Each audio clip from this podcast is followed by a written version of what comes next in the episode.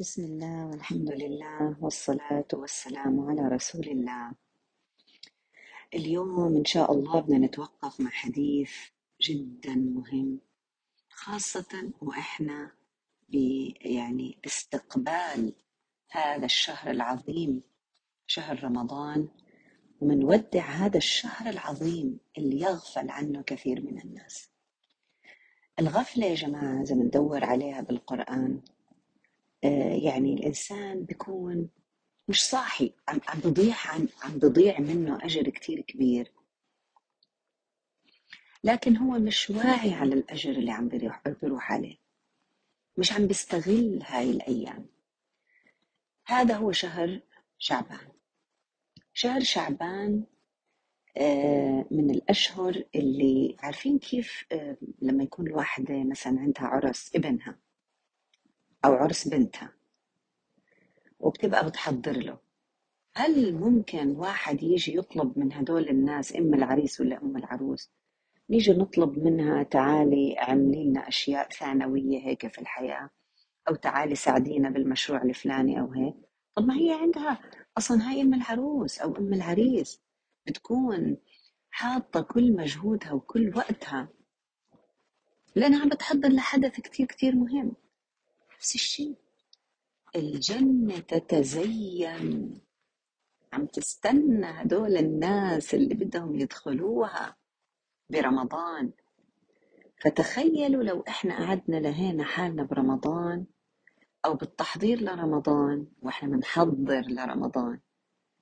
هالعرس هذا الرباني الروحاني نحضر له بأشياء تانية. آه، مش مفيدة ومش حتفيدنا إنه إحنا فعلا نعبي ونسقي أرواحنا في شهر رمضان. طبعا شهر رمضان اللي أخذ منزلته بإيش؟ بالقرآن. ليش؟ شهر رمضان الذي أنزل فيه القرآن هدى للناس. إحنا طب وإحنا قاعدين نقول اهدنا الصراط المستقيم ليل نهار وحدا بيجي بيقول لنا اعملي كذا يهديني الله يهديني الله يهديني. وين الهداية؟ هي وين الهداية موجودة؟ ذلك الكتاب لا ريب فيه هدى للمتقين. أنتوا عارفين عشان إحنا نقدر نهتدي بالقرآن ما هو في ناس بيقول لك ما أنا عم بقرأ قاعدة هي ولساها بتقول الله يهديني ولا تغيرنا. طب ليش هاي القراءة ما عم ما عم ما عم تهدينا؟ لأنه إحنا مش عم نستهدي مزبوط شو يعني نستهدي؟ يعني نطلب الهداية. الألف والسين والتاء يعني طلب. لا ما أنا عم بقول اهدنا الصراط المستقيم. عم بقول اهدنا بس مش عم بروح على المنبع بالطريقة الصح. يعني تخيلوا لو إحنا نروح على الحنفية بدنا نفتحها المفروض عشان تنزلنا مي عشان نرتوي فيها. هاي اسمها نستروي. يعني إيش؟ نطلب الري. نروح إحنا ونفتحها بالعكس. ونقول مش عم تفتح الحنفية مش عم تفتح الحنفية بعدين شو نصير نقول؟ ما هي أصلا الحنفية خربانة. لا هي الحنفية مو خربانة. إحنا مش عارفين ندورها صح. فبس تخيلوا إنه في ناس بيجوا على هاي الحنفية وبيدوروها صح وبيشربوا منها. نفس الحنفية اللي إحنا فكرناها خربانة. يبقى الموضوع وين؟ الموضوع كيف نستقي الطريقة عشان هاي المي نرتوي فيها وعشان هذا ال ال ال ال الكلام الله عز وجل اللي هو القرآن. نستهدي فيه يعني يهدينا. خلينا شوي نتأمل. في شيء لازم نعمله عشان لما هذا الكلام يقع على قلوبنا يرويها ويهديها. إيش هو طب هو أول ما نزل القرآن على الرسول صلى الله عليه وسلم ماذا كان يفعل؟ كان في غار حراء عارفين شو كان يسوي في غار حراء؟ يتحنث الليالي إيش يتحنث؟ يتعبد الله عز وجل يتفكر مش إحنا بنعرف إنه كان يتفكر واصلا هو غار حراء إيش كان؟ كان مطل على مكة يعني كان كأن الرسول صلى الله عليه وسلم عم بتطلع على الحياة من بعد. بتأمل شو بيسوي؟ ماذا ماذا نفعل وإحنا بنعمل هيك؟ إيش يعني التحنث؟ التعبد. إيش يعني التعبد؟ أحد أنواع التعبد أو طرق التعبد التخلية قبل التحلية. قبل ما أنا أدخل أحلي قلبي عشان يستفيد من هذا القرآن لازم من التخلية إيش يعني التخلية؟ يعني التنظيف. يا جماعة هذا القرآن هو بينزل على القلب. هلأ حسب نوع القلب. في قلوب مليانة مليانة على هالعالم. المليانة كلها حكي هيك. في قلوب انت بتشوفي القلب تشوفي ال ال ال الاخت أو أو الشخص امامك عادي طبيعي. بس إذا جبنا ناظور خاص في القلب أو عملنا هذا التست هذا اختبار القلب حنلاقي هذا القلب فيه أشياء. حكي عن الناس غضب على العالم شك في القضاء والقدر آه، ممكن نلاقي فيه سوء ظن ممكن نلاقي فيه كذب أو تكذيب للناس. ممكن نلاقي آه، مثلا آه، كبر وهكذا. غيبة نميمة كثير كثير أمراض ممكن نلاقيها. تعلق في الدنيا. أنا أنانية اللي أنا لازم أكون أنا كيف يعملوا معي هيك؟ أنا أع- أعتذر أنا اللي كذا وأنا آه هاي كل هالأشياء أمراض قلبية. فكركم لو نزل القرآن على قلب مليان بهاي الأشياء هل هذا القلب سينتفع؟ لن ينتفع. آه لذلك الرسول صلى الله عليه وسلم لما نزل عليه القرآن ربنا كان مقدر إنه هو صار له فترة صلى الله عليه وسلم يتحنث الليالي في هذا الغار. الليالي ذا- ذات العدد يعني عدد من الليالي. شو كان يسوي هاي هاي التحنث هاي الخلوة؟ فيها تنظيف للقلب. فيها تنظيف للقلب. آه التعامل مع الناس ممكن يعمل هاي ال ال يعني بعض التعكير في القلوب. إحنا ما بنقول ما نتعامل مع الناس لكن لازم وإحنا بنتعامل مع الناس نحاول إنه ننظف هذا القلب. كيف؟ أفكارنا يا جماعة أفكارنا. بدنا ندير بالنا على الأفكار. طلعي حالك وتطلعي على حالك من فوق. زي ما كان الرسول صلى الله عليه وسلم طلع حاله من بيته طلع حاله من مكة وتطلع عليها من فوق. نفس الشيء انت طلع حالك من دانا مثلا تطلع على دانا من فوق. إيش الأشياء اللي عم بتعكر صفاء قلب دانا؟ تحاول دانا إنها تحكي مع حالها. تحاول تلتمس الأعذار تحاول إنها تتواضع. تحاول إنها تثق بالله عز وجل تتفكر في أيامها ولياليها. تفكري كيف الله سبحانه وتعالى كان يتعامل معك عادة. ثقي بالله عز وجل. حاول شوفي الدنيا شو هي حقيقتها. هاي الأمور كلياتها. بتخلي القلب ينضف. طيب الرسول صلى الله عليه وسلم إيش اللي خلاه يروح على المدينة؟ شو قال لهم لل- لل- للأنصار بالمدينة؟ قال لهم أول صلحوا اللي بينكم. الأوس والخزرج كان في بينهم حروب. قال لهم صلحوا ذات بينكم أنا بجي عندكم. شفتوا كيف؟ إذا السنة والقرآن ما بينزلوا على القلب ويستفيد منه القلب إلا لما يكون القلب نظيف. نضيف كمان من الخناقات نضيف نضيف من ترسبات العلاقات. حتى العلاقات يعني هو مش بس واحدة تيجي تقول أنا بحب الله وكذا وهي قاعدة آه، غضبانة من جوا على الناس. حتى لو غضبانة على الناس قلبنا بده يتنظف. كوني غيرانة على قلبك. محدش حيفيدنا يا جماعة. بالنهاية إحنا تركين الدنيا لحالنا.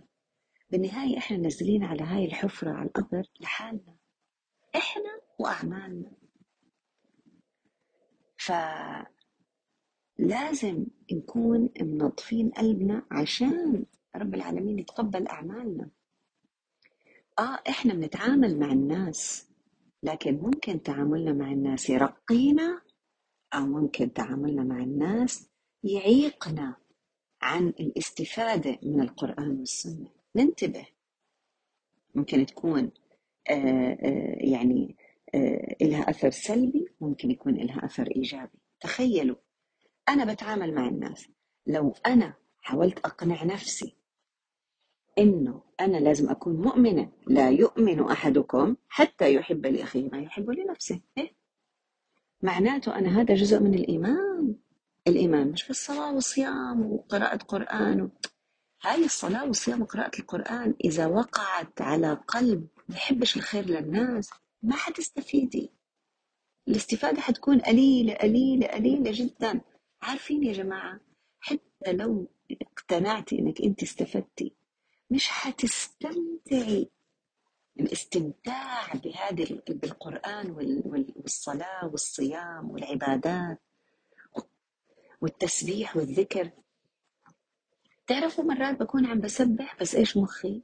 فلانة وقالت لي وسوت لي خلينا شوي هيك. هذا التنظيف عمليات التنظيف اللي هلأ إحنا بنقدر نعملها قبل ما يجينا رمضان.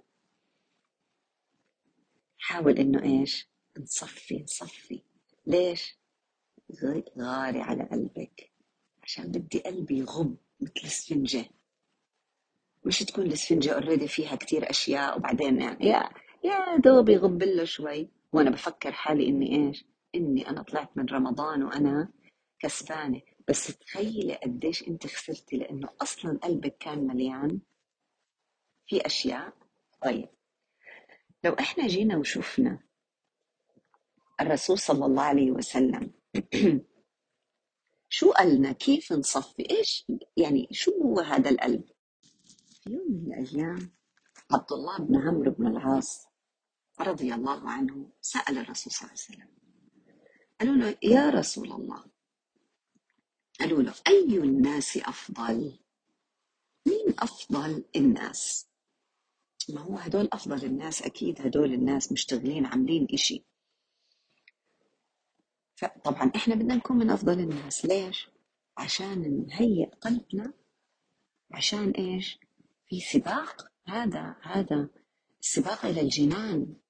فأنا بدي أكون من هدول هيك على فكرة الصحابة كانوا دائما يسألوا الرسول صلى الله عليه وسلم ليه؟ همتهم عالية يا جماعة؟ بدهم يكونوا من هدول الأفضل. قال صلى الله عليه وسلم كل مخموم القلب. إيش؟ مخموم القلب. صدوق اللسان. قالوا هذا الصحابة زي ما هلأ أنتوا أنتوا أنتوا هلأ تبادر ببالكم وأنا بقول الحديث نفس السؤال اللي تبادر على بال الصحابة. قالوا له صدوق اللسان نعرفه فما مخموم القلب. مش أنتوا هيك تبادر على بالكم قعدتوا تقولوا في مخكم. والله إحنا عرب ومش فاهمين شو يعني مخموم القلب. فما مخموم القلب؟ قال آه هون عاد بدنا نتعلم. إحنا بالصحابة بنتعلم من الرسول صلى الله عليه وسلم. هو التقي النقي. لا إثم فيه ولا بغي ولا غلة ولا حسد. آه بدنا نوقف يا جماعة بدنا نوقف شوية مع بعض. بدها وقف. عندي شغلتين هون قالهم الرسول صلى الله عليه وسلم. قلب سليم ولسان صادق. اللسان الصادق إحنا فاهمينها. بدنا نيجي نشوف هذا القلب لأنه ليش فهمنا القلب؟ ما هو يا أيها الذين آمنوا كتب عليكم الصيام كما كتب على الذين من قبلكم لعلكم تتقون. هاي التقوى وين موجودة؟ قالنا الرسول صلى الله عليه وسلم التقوى ها هنا وأشار إلى مين؟ إلى قلبي. صح؟ معناته أنا لازم أطلع على هذا مخموم القلب لازم يكون قلبي مخموم. إيش يعني مخموم القلب؟ الرسول صلى الله عليه وسلم حكى. ما هو أنا بدي أوز... بدي أستفيد من رمضان. بدي أستفيد. كيف بدي أوصل للتقوى؟ كيف الصيام بده يشتغل على القلب عشان يصير في تقوى؟ هيو شو قال لي؟ التقي يعني كيف بده يكون عامل هذا الصيام؟ بده يعمل مثل الشيلد مثل السترة الواقية. هاي هي التقوى. تقيني من أشياء. وشو التقوى؟ الأول شيء قال هو التقي هو القلب التقي. على فكرة مخموم. شفتوا أنتوا إيش عم نعمل إحنا قبل رمضان؟ قاعدين بنحضر بننظف وبنعزل وكذا عشان يجي رمضان يكون هيك كل إشي إحنا ما نقعدش نلتهي في في التنظيف. هذا هو. هذه اللي إحنا بنسميها بخم البيت. اللي بخم البيت يعني يقم البيت. على فكرة القاء والخاء كثير قراب بالمخرج عشان هيك بنستخدمها بنفس الكلمة. يخم البيت يعني يقم البيت. يعني إيش؟ يعني ينظف. هذا الشخص بدك تستفيد بقلبك منه يا أيها القلب اللي بدك تتسابق مع القلوب برمضان. بدك تستفيد بدك تطلع تقي بدك تنظيف. مخموم القلب يعني هدول الناس قاعدين بنظفوا.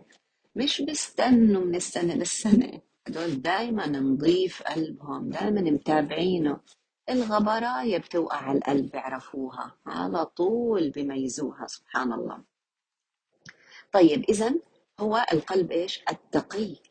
تقي يعني يا جماعة بده يعرف إيش برضي الله عز وجل بيعمله إيش ما برضي الله عز وجل ما بيعمله. يعني في أخوات قالوا لي إحنا بدنا برمضان نقول اللهم إني صائم. قلت لهم تعرفوا لازم قبل رمضان نقول اللهم إني سأصوم عشان لما يجي رمضان نقدر نقول اللهم إني صائم. أما إحنا هيك نفكر إنه لحالنا إحنا يلا يلا خلينا. على نخلص المعاصي اللي علينا قبل ما يدخل رمضان. ما بينفعش من هلأ من هلأ نحس ندخل حالنا في المود تبع رمضان. إذا التقي يعني عشان يعرف هذا القلب إيش اللي بيرضي الله ويعمله وإيش اللي بيغضب الله وما يفعله.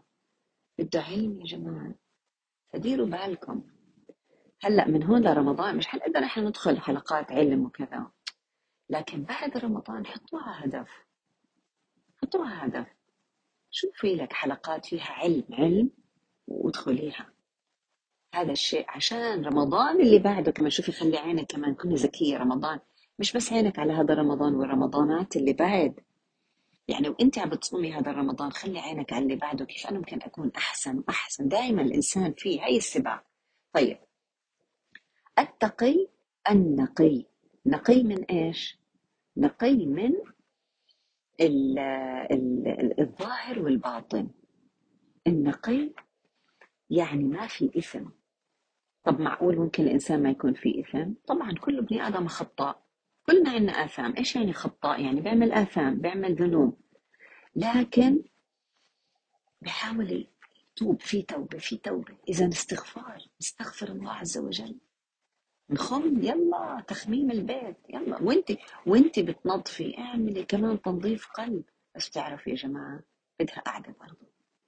زي ما أنا بحط وقت عشان أنظف بيتي. التنظيف الخارجي. لازم أنظف باطن القلب. لازم أقعد قاعدة لازم أقعد اقعدي وأمسكي مسبحتك أو أمسكي أصابيعك واستغفري. استغفار بدها قعدة التقي النقي. طيب. لا إثم فيه قال الرسول صلى الله عليه وسلم. إيش يعني النقي؟ شرح لنا إياه. أول شيء لا إثم فيه ولا بغي ولا غل ولا حسد. البغي اللي هو الظلم. الظلم. الميل عن الحق. الظلم شغلتين. يا إما إنقاص حق شيء يعني أنا مثلا بدل ما أني أنا آه، أصلي الصلاة بخشوعها مية بالمية بنقص. هذا ظلم للنفس.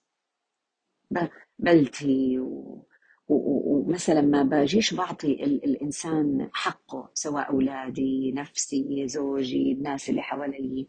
وأيضا مش بس إنقاص الحق وضع الشيء في غير موضعه. أنا الحب ما بحطه لله عز وجل بحطه لحدا تاني. لكن الأصل إحنا نحب في الله الأصل الحب لله عز وجل اللي وهبك الحياة كلها اللي خلاكي أنت أنت. وبعدين بحب كل إشي تاني في الله. ها وهكذا. إذا الظلم شغلتين إنقاص الحق الشغلة الثانية وضع الشيء في غير موضعه بعدين آه إيش قالنا الرسول صلى الله عليه وسلم؟ آه قالنا شغلات الغل والحسد يا الله الغل الحقد. حقد تخيلوا. تخيلوا لما يكون الإنسان حاقد. هلأ أحقد على الناس اللي ما بتساعدني؟ المصيبة أحقد على الله عز وجل.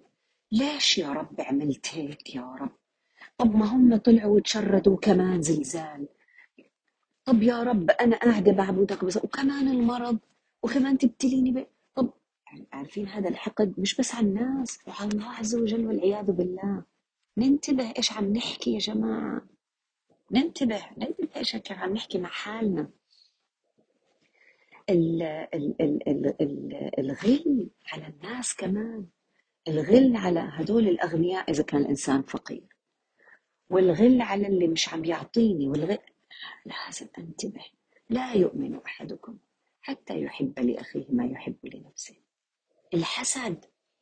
شوفي علاجها بالحديث الحسد اللي هي الإنسان تخيلوا الغل إنه الإنسان يكون حاقد إنه غيره عنده نعمة وهو ما عندوش إياها. الحسد يتمنى زوال النعمة عن الناس. حتى لو ما إجت عنده. شوفوا المصيبة. حتى لو ما إجت عنده. يا جماعة إحنا في عنا كتير هيك أشياء. ما حدا يفكر. ما تفكري حالك إنك أنت مش هيك حتى بالصفات حتى بحفظ القرآن. يا أخي قولي يا اللهم بارك اللهم بارك الله يبارك لها حافظة القرآن متابعة حالها تعرف هاي حافظة القرآن قديش حالك حالها هلكانة ميتة هلكانة حاطة مئة ألف مليون برنامج وقاعدة وبتنسى وبتحاول ترجع تذكر حالها وتراجع وتسوي. هاي مش الله نزل عليه حفظ القرآن هيك. فلما نيجي نشوف حدا عم بيشتغل حدا مثلا بيصوم حدا بيساعد الآخرين إدعي لها بظهر الغيب. مش نقول آه ما هم ما هم قاعدين بيساعدوا الناس بس مش شايفين حالهم. يا جماعة يا جماعة هذا القلب يعني لازم لازم ننتبه على الأفكار اللي عم تيجي على بالنا. أول شيء انتبهي أول شيء عشان هيك على فكرة هاي ال meditation هلأ عم تعمل تأثير.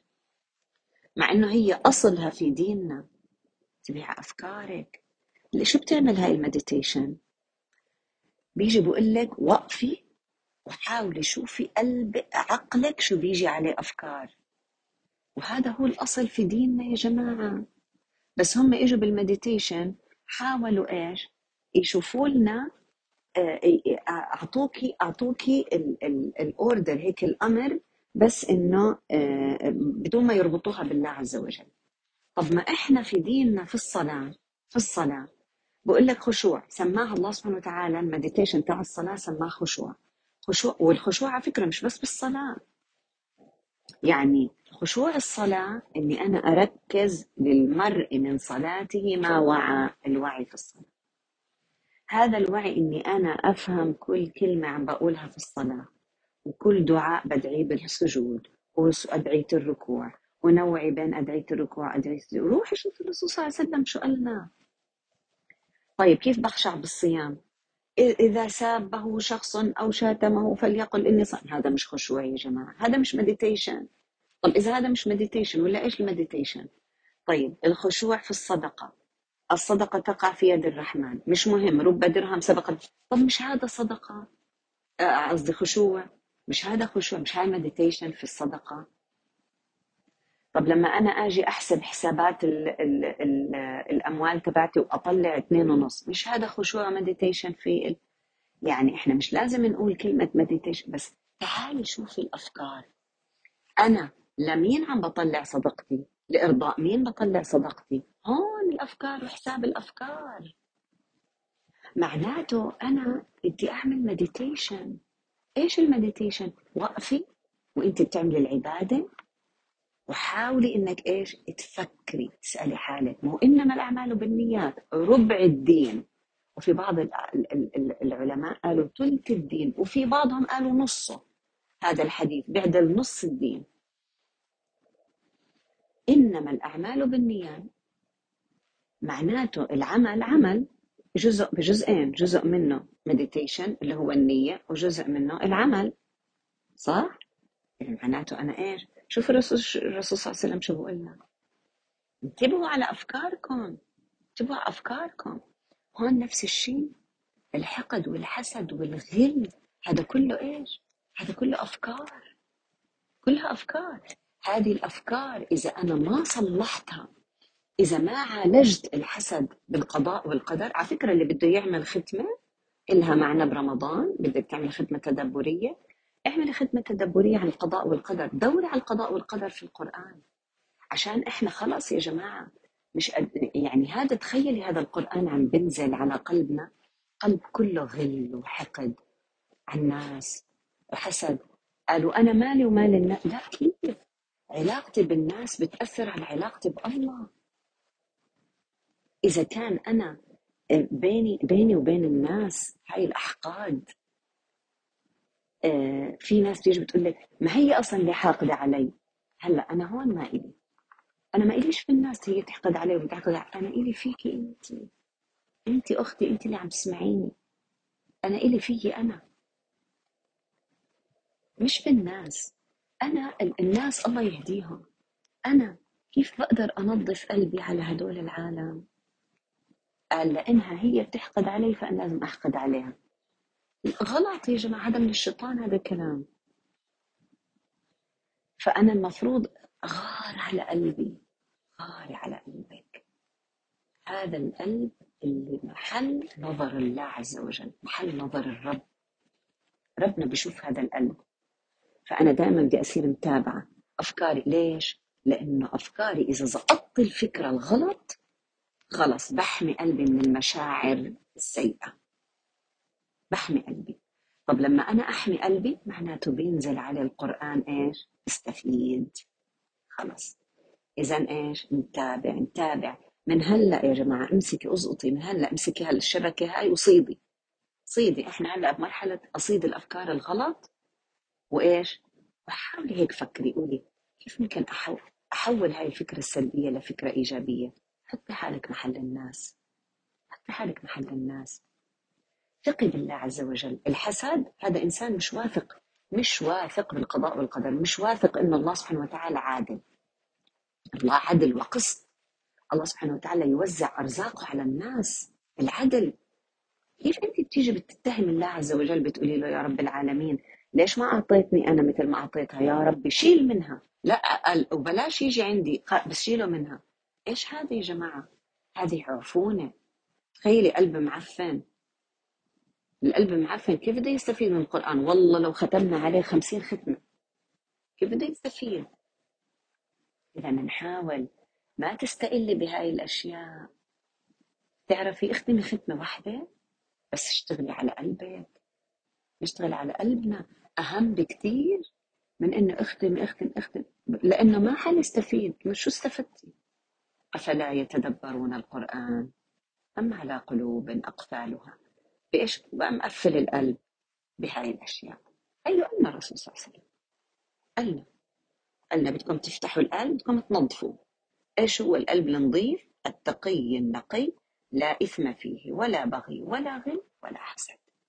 دوروا على هاي الأشياء بالقرآن وإنتوا تختموا خدمتكم التدبرية وحاولوا دائما تاخذوا رسائل لقلبكم وتشوفوا كيف ممكن ننظف هذا القلب حتى دائما نسعى إلى أن نستفيد من كلام الله عز وجل فينزل علينا فينظفنا.